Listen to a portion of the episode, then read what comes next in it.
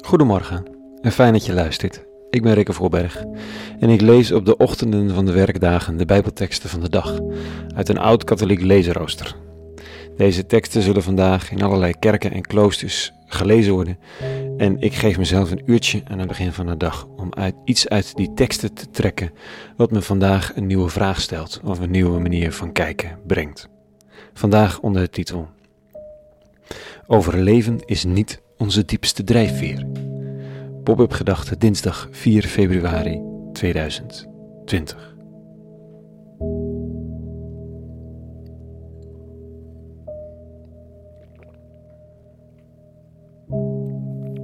Ze zeggen dat de mens gemaakt is met de wil om te overleven.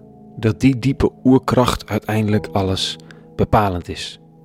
In tijden van discussies over voltooid leven wordt dat geloof natuurlijk al een beetje ondergraven. Maar je zou nog kunnen zeggen: ja, willen leven is alles bepalend, tot dood willen alles bepalend wordt. De mens wil beschikken in elk geval. En alle begrippen voor het dood willen. De ellende waarin mensen zonder nog langer controle te hebben de dagen moeten zien door te komen.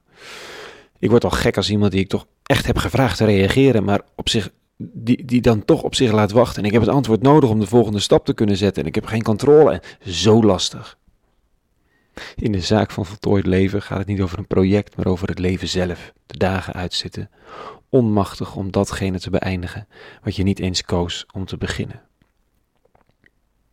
En toch, de wil om te overleven en de wil om dood te gaan, twee kanten van dezelfde medaille uiteindelijk, uitersten die elkaar raken, en toch zijn ze niet de diepste drijfveer die ligt ergens anders, realiseer ik me vandaag, als ik een hartverscheurende scène uit het verhaal van koning-dichter David lees. Het is een opera-achtige scène, groots theater. Theater dat al sinds mensenheugenis de mens dicht bij zijn hart brengt.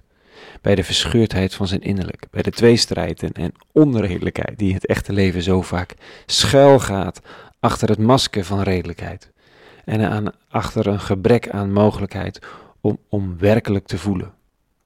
Dus stoppen we het maar in theater. Echt voelen. En dat doet David vandaag. Hart verscheurend voelen. Koning David, een heel het rijk wordt belaagd door de zoon van David, Absalom. Een bloeddorstige opstand en David weigert de strijd aan te gaan met zijn zoon. Hij vlucht, hij wil niet, het doet te veel pijn. Als Absalom dan bij puur toeval of zoiets in een weerloze situatie wordt aangetroffen door Davids legeraanvoerder, brengt deze hem om het leven. En een bode brengt David het nieuws. Een bode die niet zo goed weet dat het hart van David niet het hart van een overlever is, maar menselijker dan dat. Veel menselijker. Dit staat er. En de koning vroeg aan de Ethioper, Ethiopiër, is de jonge Absalom ongedeerd? Toen zei de Ethiopiër, mogen het de vijanden van mijn heer en koning en alle die tegen u zijn opgestaan op dezelfde wijze vergaan als die jonge man. Diep geschokt ging de koning naar het vertrek boven de poort. Daar liep hij wenend heen en weer en riep aldoor: Absalom, mijn zoon, Absalom, mijn zoon. Ach, was ik zelf maar in uw plaats gestorven, Absalom, mijn zoon, mijn zoon. Men berichtte aan Joab dat de koning weende en weeklaagde over Absalom, en de overwinning van die dag veranderde in rouw voor heel het volk, daar het volk die dag had vernomen dat de koning bedroefd was om zijn zoon. Het volk dat David is trouw gebleven, rouwt op de dag van de overwinning, omdat het hart van de koning is gebroken om zijn zoon, de man die hem naar het leven stond. Dat is niet de overlever. Dat is ook geen voltooid leven, dat is liefde. Een term die zo vaak gebruikt is als duizend dingen doekje, liefde, maar hier in al zijn grootsheid en hartstochtelijkheid wordt gevoeld. David sterft liever dan dat hij de dood van zijn zoon moet voelen, ook als het een zoon is die hem naar het leven staat. Dit is de waanzinnige kracht achter en onder de wil tot leven en overleven. Die wil verbleekt bij de wil van de liefde. De aarde is voortgebracht met deze wil tot liefde. Niet de wil tot macht, niet de wil tot leven en ook niet de laatste wil. Het is de wil tot liefde. Het is deze wil die het grootste onrecht kan verduren, die onredelijke wegen gaat en dagen van overwinning achterloos terzijde schuift, omdat het verlies van de geliefde oneindig veel groter is. Als het leven voltooid is, waar is dan de liefde?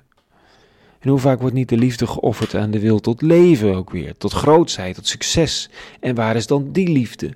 Bepalen ons bij de liefde, bij onze liefde in Gods naam. Opdat die kracht het steeds weer wint van de dood. Zoals dat paradoxaal genoeg gebeurt bij, bij David vandaag. De kracht van de liefde was weer sterker dan het nieuws van de overwinning, dan het nieuws van het succes of het leven en de dood. Waar is onze liefde? En is die er steeds ook opnieuw voor de ander? Want dat, liefde, is de levenskracht onder alles. Nou, tot zover vandaag. Een liefdevolle, geliefde dag vandaag en vrede gewenst. En alle goeds.